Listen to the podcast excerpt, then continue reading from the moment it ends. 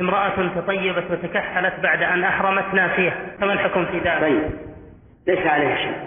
لكن الطيب تزيله متى ذكر. أما الكحل فلا يضر. الطيب لأنه محرم في الإحرام. الكحل ليس محرما في الإحرام. ثم إني أقول لكم يا أخوان معشر الأخوة جميع المحرمات في العبادات إذا فعل الإنسان ناسا أو جاهلا أو مكرها فلا شيء عليه. في كل العبادات سواء في الصلاة أو في الصيام أو في الحج.